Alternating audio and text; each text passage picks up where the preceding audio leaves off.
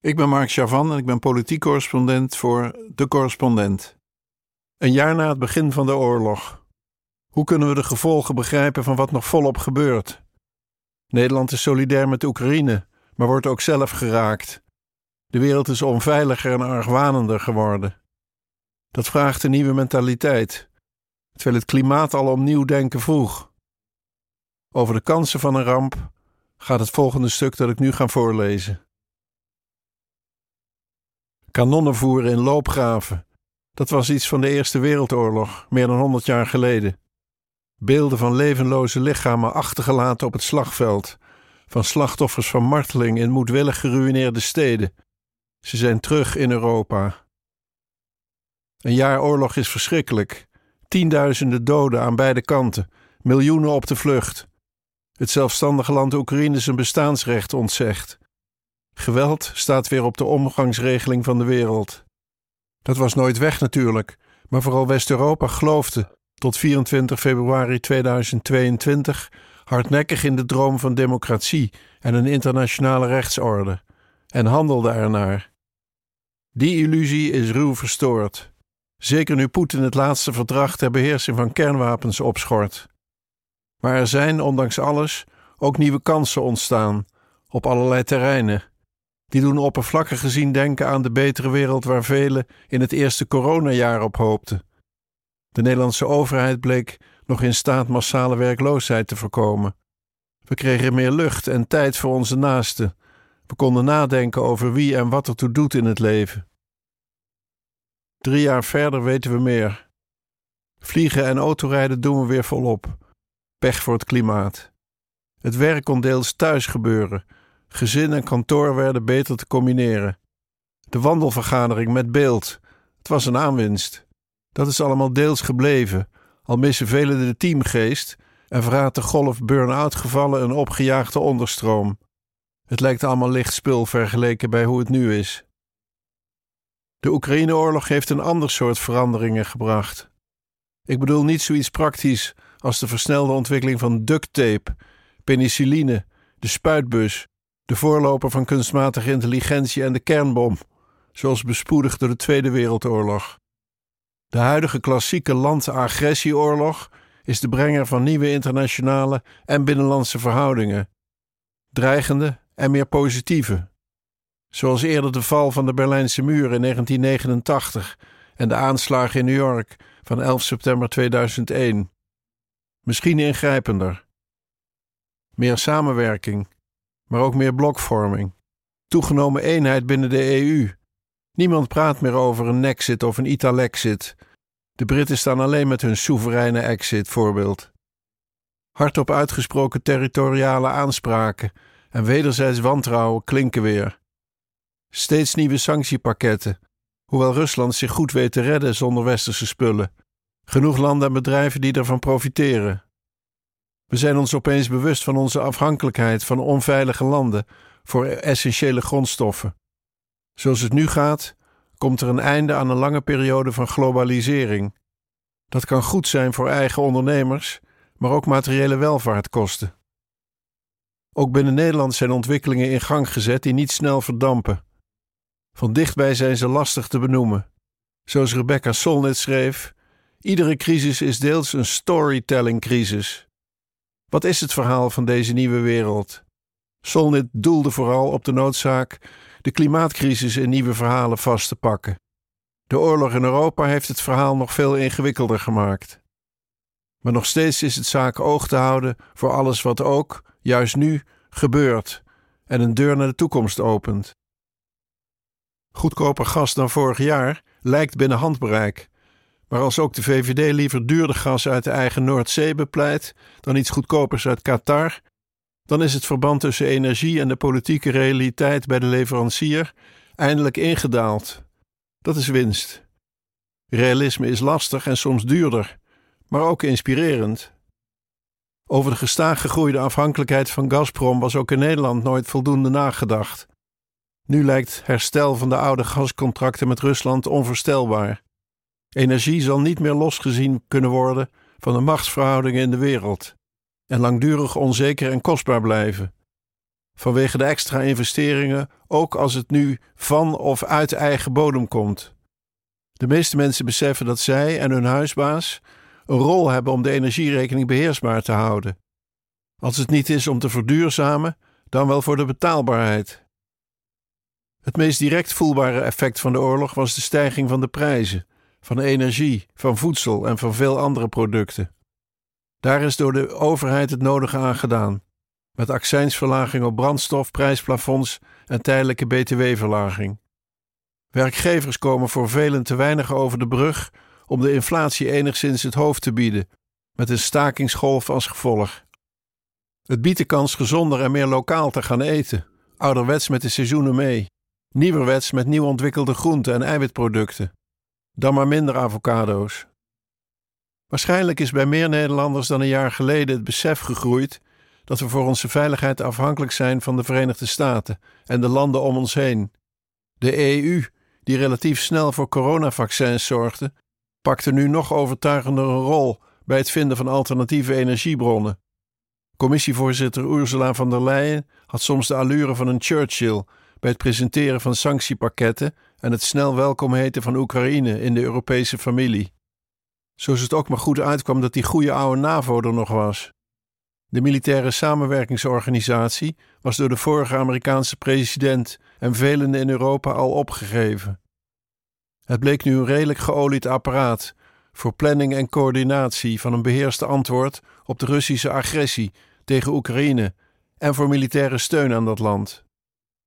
Als Turkije niet zijn binnenlandspolitieke belangen voor had laten gaan, dan waren Zweden en Finland nu al toegetreden tot het bondgenootschap. Wanneer Oekraïne ook een keer lid wordt, heeft Poetin exact wat hij niet wil. Reden te meer voor hem in zijn toespraak van deze week zijn verhaal uit te bouwen over het Westen dat Rusland wil destabiliseren en ontwrichten. De NAVO-landen zijn weliswaar niet direct in oorlog met Rusland, maar de temperatuur van de Koude Oorlog tussen Rusland en het door Poetin vermalendijde Westen is gestaag opgevoerd. De Nederlandse veiligheidsdiensten maakten deze week bekend dat Rusland probeert de onderzeese kabels voor internet en besturing van windmolens op de Noordzee in kaart te brengen. Het doel is duidelijk: mogelijkheden verkennen van sabotage of gijzeling, waarbij ook de waterleiding en andere vitale diensten en instellingen getroffen kunnen worden. Er is geen twijfel aan dat Nederland en bondgenoten dat andersom ook kunnen. Het heeft een tijdje geduurd voordat de regering in Den Haag in oorlogsmodus kwam en de Russische inval niet langer als een natuurramp in het verre Oekraïne behandelde. Sindsdien hebben ministers bij herhaling duidelijk gemaakt dat Oekraïne moet winnen, dat het in ons belang is, omdat Poetin anders doorgaat en pakt wat hij krijgen kan. Daarom sturen Nederland en andere bondgenoten alle wapens naar Kiev die ze kunnen missen uit hun geslonken arsenaal. En belooft president Biden steun voor zolang als het nodig is. Een voorschot op de volgende Amerikaanse presidentsverkiezingen van 2024. Sommige deskundigen zeggen het al een tijdje, maar het begint net door te dringen tot de politieke, laat staan de publieke discussie. De kans is aanzienlijk dat dit conflict heel lang gaat duren. Oekraïne mist mensen en middelen om het grote Rusland te verslaan. Poetin kan zich geen nederlaag veroorloven en hij geeft niet om mensenlevens van anderen. Vandaar zijn opnieuw herhaalde kernwapendreiging. Zo zou de Oekraïne-oorlog een jaren dooretterende wond op het vasteland van Europa kunnen worden. Zoals de conflicten in Noord-Ierland, Afghanistan, Libanon en Syrië, maar dan groter en gevaarlijker.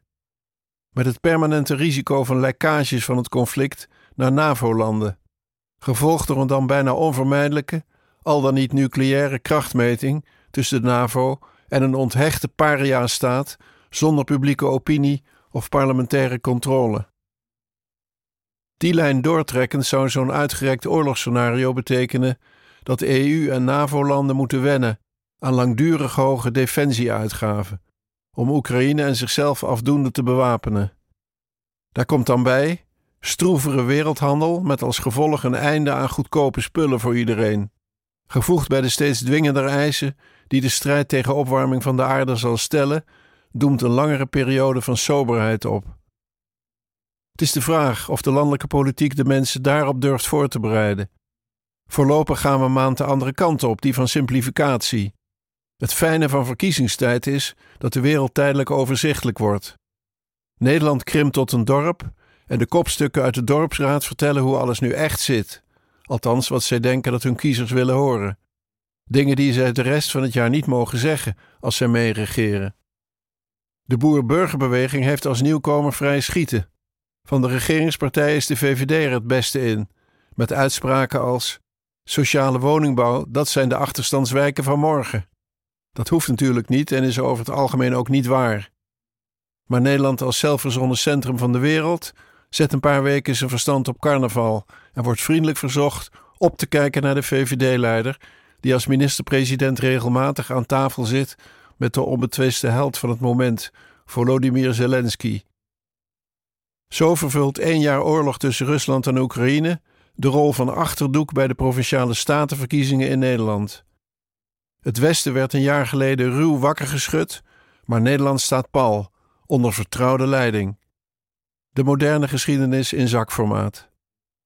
Met zijn Leidse gastcollege van deze week, Democratie is niet gratis, maakte de minister-president opnieuw aanspraak op de Oekraïne-bonus. Het goede zeggen is natuurlijk niet verboden in verkiezingstijd, maar kan soms wel erg handig uitkomen. Rutte constateerde dat president Trump gelijk had toen hij de NAVO-landen opdroeg de afgesproken norm van 2% van het bruto binnenlands product aan defensie te besteden. Hij vergat te erkennen dat de VVD sinds de val van de muur in 1989 even vrolijk defensie heeft wegbezuinigd als alle linkse wolkjes, en er ook tijdens de eerste drie kabinetten Rutte weinig werk van maakte.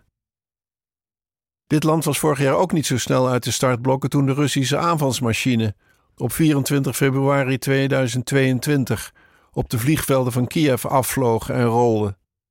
De Amerikaanse en Britse veiligheidsdiensten hadden gewaarschuwd, maar de westelijke EU-landen konden niet geloven dat het zo'n vaart zou lopen.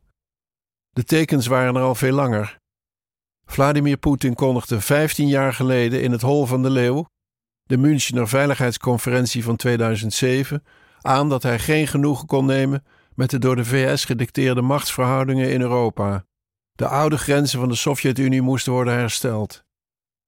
In 2008 voegde de Russische president al de daad bij het woord door de onafhankelijke Republiek Georgië binnen te vallen. Het Westen was dat jaar in de ban van een heftige bankencrisis. In 2014 volgde de Russische annexatie van de Krim en invasies in de Luhansk en Donetsk-regio's in Oost-Oekraïne. Die agressie werd in West-Europa voor kennisgeving aangenomen. De EU was opnieuw druk met zichzelf. In Nederland werd in 2016 een door geen stijl en het Poetin-vriendelijke Forum voor Democratie uitgelokte referendum over het EU-associatieverdrag van Oekraïne gehouden. Het kabinet Rutte tekende uiteindelijk, hoewel een meerderheid had tegengestemd. Het bleef een binnenlandspolitieke schermutseling die Nederland allerminst voorbereidde op het harde Russische vervolg dat zou volgen. Na de gewelddadige inval in het hart van Oekraïne reageerde de Europese Unie zo vreemd als mogelijk. Polen en de Baltische staten kregen gelijk. De beer zint op herstel van zijn oude territorium. In tijden van crisis laat de EU zich altijd van haar beste kant zien. De Nederlandse regering deed verbaal mee, maar de invoering van de ingestelde sancties was traag en bureaucratisch. Den Haag stond nog in de buitenlandse ramphulpmodus, dekens en EHBO-dozen sturen.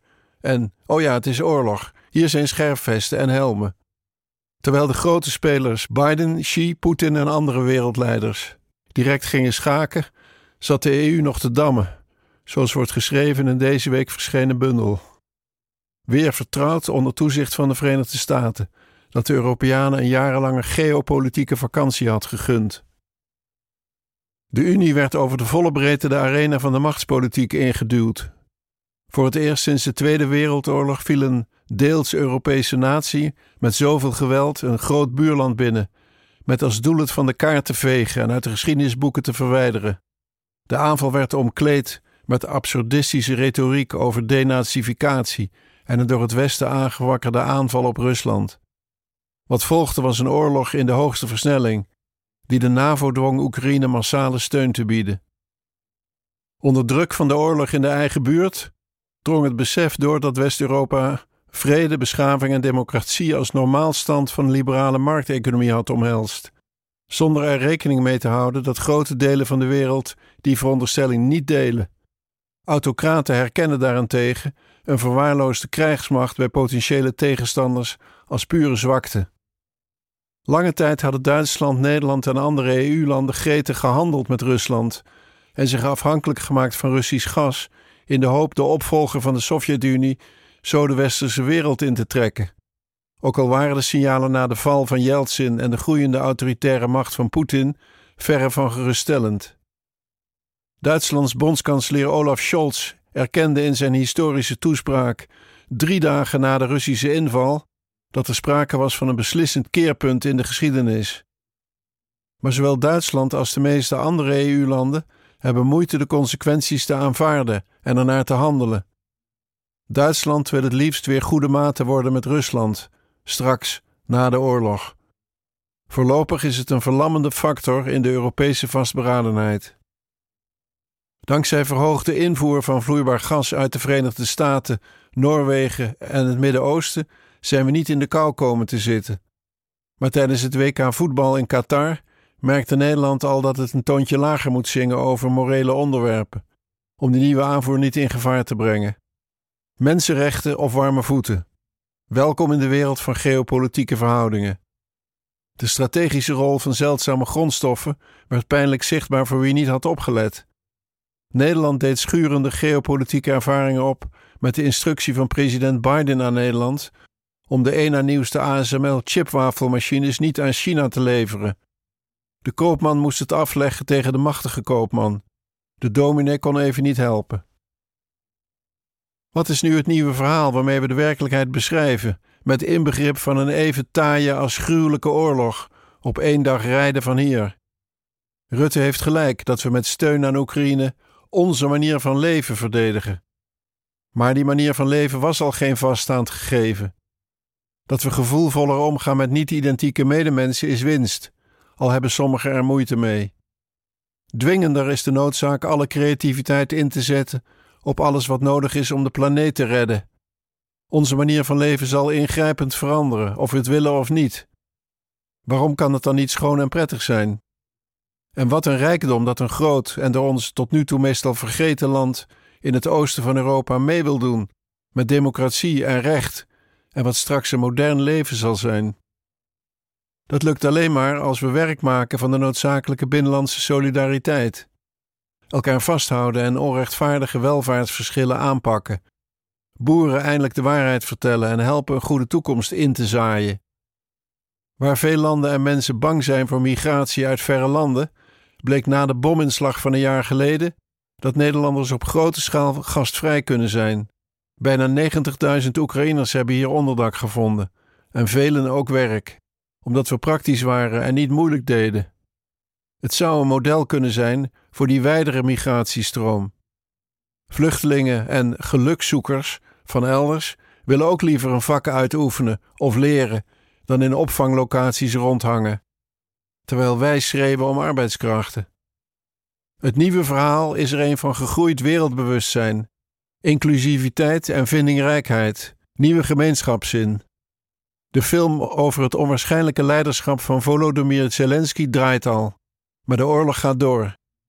Dankjewel Oekraïne voor je moed en uithoudingsvermogen. We hebben veel aan je te danken.